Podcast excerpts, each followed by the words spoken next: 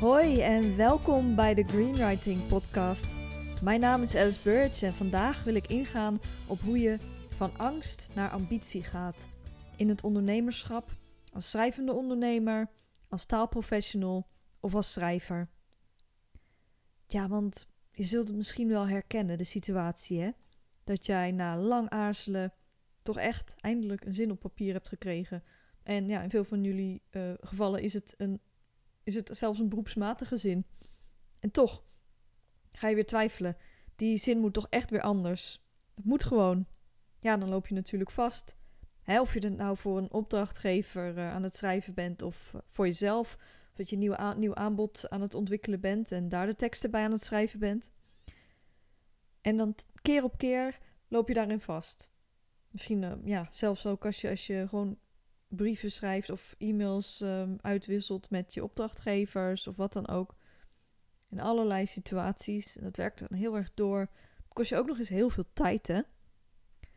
Nou ja, ik deed laatst een kleine rondvraag via mijn Instagram stories. En ja, ik vroeg aan mijn volgers of ze wel eens last hebben van angst. En dan in het bijzonder van faalangst. Ja, nou en of. Blijkbaar heeft dat echt op veel mensen invloed. En ja, dus ook op schrijvers hè, en op ondernemers. Nou is mijn poll misschien niet helemaal representatief en voelden mensen die het herkenden ja, extra behoefte om te reageren. Dat weet ik niet zeker, maar uh, ja, het was wel zo dat maar liefst 92% van de mensen die reageerden aangaven dat ze eens faalangst hebben. En ik kan je nou vertellen, ja, ik, ik reken mijzelf eigenlijk niet, uh, niet tot die groep. En daarmee wil ik jou niet uh, een slecht uh, gevoel geven of ondermijnen. En ja, ik heb in het verleden ook wel, wel best momenten last gehad van, um, ja, van angst. Of in elk geval heel erg het gevoel van op eieren lopen. En nou ja, allereerst hè, de verandering van omgeving heeft me daar ook wel bij geholpen. Maar het is ook voor een deel ja, een houding... Uh, een houdingsverandering. Van ja, wat is het ergste dat mij nou kan overkomen als ik dit of dat schrijf? Wat is het allerergste? En ik ben toch niet gek en ik ben toch een professional. Dus dat, ja, dat helpt sowieso enorm. Nou ja, wat ik hier ook met jou wil delen is ja, drie vragen die jij jezelf kunt stellen. Uh, omtrent ja, de oorzaak ook van jouw faalangst en wat je daarmee kunt doen. En daarna deel ik ook elf tips waar je ongetwijfeld uh, iets aan gaat hebben om er minder last van te hebben. Vooral ook bij de uitvoering van, uh, van jouw werk. Vraag 1. Waardoor komt die angst? Nou, de oorzaken van angst zijn divers, zeker van faalangst. Als je het ondervindt, nou, dan zijn de volgende oorzaken misschien herkenbaar voor je. Ik leg mijn eigen lat te hoog en ben vervolgens bang om die niet te halen. Ik zet mezelf klem met mijn gedachten. Ik heb in vlagen faalangst vanwege mijn hormoonschommelingen en daarna wordt het ja, wel weer minder. Ik was vroeger zogenaamd de kneus in de klas. Ik werd gepest en buitengesloten en dat maakte me onzeker. Ik wil altijd goed presteren, want ik wil echt het beste voor anderen. Ik zie zo goed hoe het moet, dat ik daar onmogelijk aan kan voldoen. Ik vond het lastig, mijn thuissituatie vroeger, en ik was nooit goed genoeg. Ik denk anders dan het systeem van mij vraagt. Ik presteer daardoor niet snel goed als er veel kaders zijn. Vraag 2 die je jezelf kunt stellen is: hoe verminder jij je angst? Niet alle oplossingen zijn op de lange termijn positief. Dit zorgt ervoor dat je vooral naar binnen gekeerd raakt. Dus dat jij gaat internaliseren en extra gestrest kunt raken en nog meer moeite gaat krijgen om ja, die zinnen fatsoenlijk op papier te krijgen en ook te publiceren. Nou, je kunt daar natuurlijk verschillende antwoorden op hebben. En nou ja, ik noem allereerst de minst constructieve en daarna wat meer constructieve uh, antwoorden die jij jezelf kunt geven. Of heel uh, constructieve antwoorden die je zelf kunt geven. Nou, allereerst niet constructief. Hè?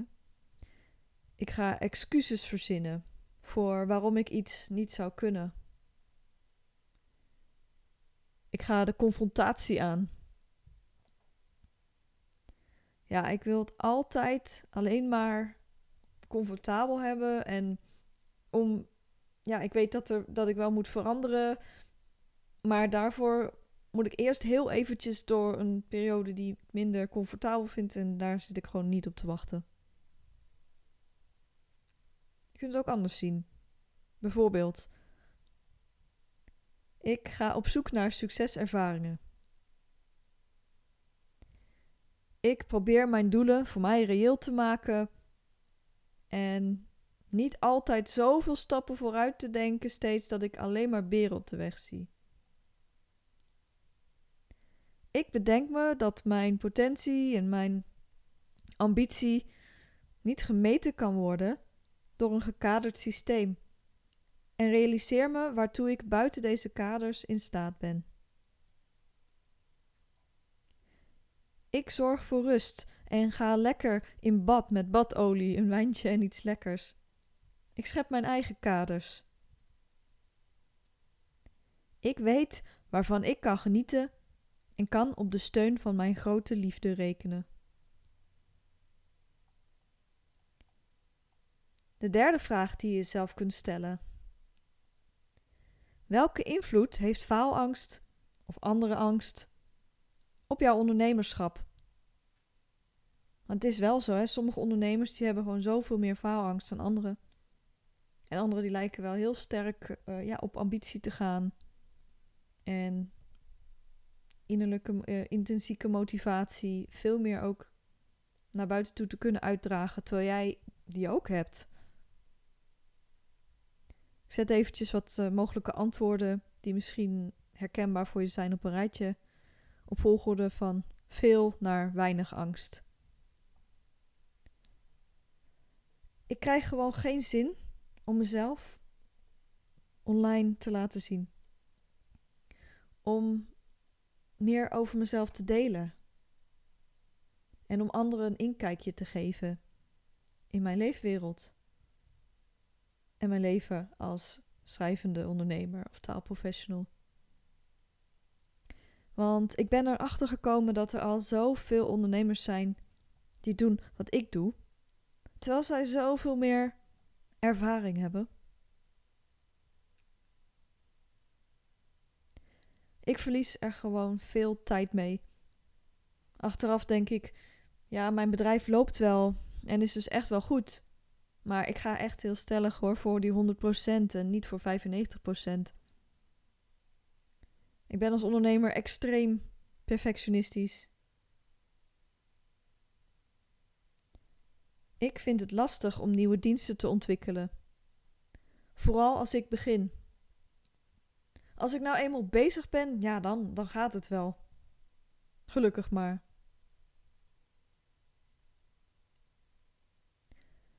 Ik heb steeds hooguit een paar uurtjes last van faalangst. Weet je wat? Ik heb eigenlijk nauwelijks nog last van faalangst. Het was eerst veel erger, maar nu zie ik dat ik zoveel stappen al heb gezet om daar vanaf te komen.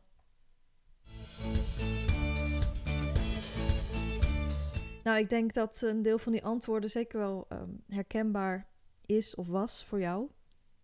Ga dan na, hè, van heb je al veel uh, sprongen hierin gezet of heb je daar misschien extra hulp bij nodig? Ga die vooral ook zoeken. Want ja, het zou doodzonde zijn als dit jou belemmert in het ondernemerschap of in het schrijverschap, omdat jij zoveel verhalen te vertellen hebt die hierdoor gewoon niet verteld kunnen worden. En jij wilt toch gewoon op je allerbest zijn. Want ja, het leven is uiteindelijk eindig. En straks dan kijk je terug en dan heb je misschien ja, spijt van heel wat jaartjes van je leven En ja, weet je, het, is nooit te laat hè, om, om een verandering in gang te zetten. Maar het zou toch zonde zijn als je hier last van hebt en blijft waar je bent. Nou, ik zou heel graag ook wat met je willen delen over hoe je van angst echt naar ambitie kunt gaan. En dat zal veel voor je veranderen. Je gaat jezelf dan ook andere vragen stellen. Je gaat ook op een andere manier bezig met uh, schrijven en met ondernemen. En kunt meer op termijn denken dan en zonder ja, de hele tijd beer op de weg te zien. En zonder je druk te maken over of het wel goed genoeg is. En zonder de hele tijd te kijken naar ja, allerlei anderen die allemaal wel veel beter zouden zijn en die alles helemaal op een rijtje hebben. Want ja, dat gun ik je van harte, maar maak er wel werk van. Ik deel graag elf tips om echt van die angst naar ambitie te gaan. En dat wil niet zeggen dat ik een specifiek recept voor je heb hè, om van faalangst af te komen. Want de oorzaken die kunnen zo verschillen. Ik heb dat natuurlijk al een aantal genoemd. Ja, weet je, dan denk je ook, was het maar altijd gesneden koek en gebakken taart? We maken allemaal wel dingen mee. En het is ook niet uh, een fout, hè? Het is niet fout dat jij last hebt gekregen van angst. Het is meer dan logisch in sommige gevallen, eigenlijk in heel veel gevallen. Het kan zijn dat je daar gewoon al zo gewend aan bent geraakt. Dat je niet eens meer door hebt hoeveel stress dat uh, ook in je lichaam veroorzaakt. Maar ook in je, ja, en vooral in je werk. Nou, tip 1. Ga eens op je eigen tribune zitten. Klinkt misschien gek, maar ga eens na wat voor positieve eigenschappen je van jezelf kunt benoemen. Tip 2. Blijf ook positieve prikkels zoeken. Bijvoorbeeld intellectueel of in de natuur of uh, met andere ondernemers of in boeken. Want al deze positieve prikkels en inspirerende prikkels brengen nieuwe ideeën en inspiratie voor jouw ondernemerschap en schrijverschap. Tip 3. Duik eens in het diepe en vraag jezelf eens af: wat is nou echt het ergste dat er kan gebeuren als ik deze uitdaging aanga? Tip 4.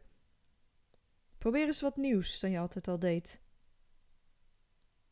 Is er een onderwerp, een vaardigheid of een vakgebied waarin jij je graag zou willen laten trainen, bijscholen of meer over zou willen weten? Tip 5. Zet je persoonlijke doelen eens op een rijtje. Maak eens een inschatting van hoe jij die gaat bereiken.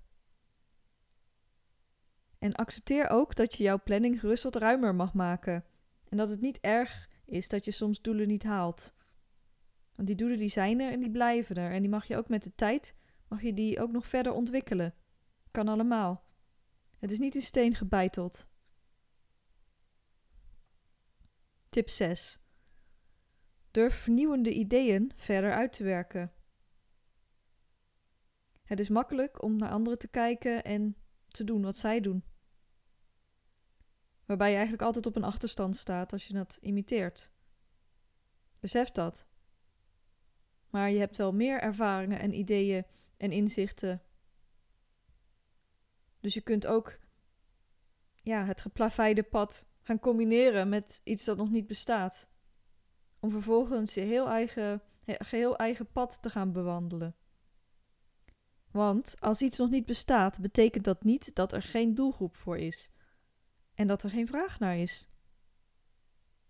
Het kan zijn dat jouw doelgroep en jouw publiek gewoon nog niet geactiveerd is. Was ook, zo heb ik dat ook gedaan hè, met mijn verkorte vertaalopleiding. Die heb ik specifiek ontwikkeld voor mensen die al andere expertise hebben. Ja, bijvoorbeeld in de medische sector of uh, juist heel creatief of in de marketing. Of mensen die net als ik ook vanuit de wetenschap komen. En dat zijn mensen die met al die expertise het willen en ook het inzicht hebben om taalprofessional te worden. En om ook meer uit hun ondernemerschap te halen. Zo'n soort opleiding, op die manier, ja, dat bestond gewoon nog niet. want je kunt, je kunt bijvoorbeeld uh, na je middelbare school vertaalopleiding gaan doen en die duurt dan vier jaar. Maar dat is niet iets waar, nou, waar je echt op zit te wachten als je al, al heel wat jaartjes achter de rug hebt, gewoon in een, in een vakgebied. En dan een, uh, hè, een carrière hebt. Maar toch ook echt een liefde voor taal. Tip 7. En dat je altijd maar buiten je comfortzone moet stappen. Dat is echt een mythe. Er wordt heel erg opgehamerd. Kom uit je comfortzone, kom uit je comfortzone. Ja, en natuurlijk, er zit wel een kern van waarheid in. Want als jij iets wil veranderen, dan is dat in het begin heel spannend en oncomfortabel. Maar daarna ontstaat er een nieuwe balans. En daarin voel jij je waarschijnlijk comfortabeler dan ooit. Want het is je zo enorm gegund dat jij met comfort gaat doen wat je graag doet. Dus zet dat daarom voor jezelf eens op een rijtje. Waar liggen jouw talenten?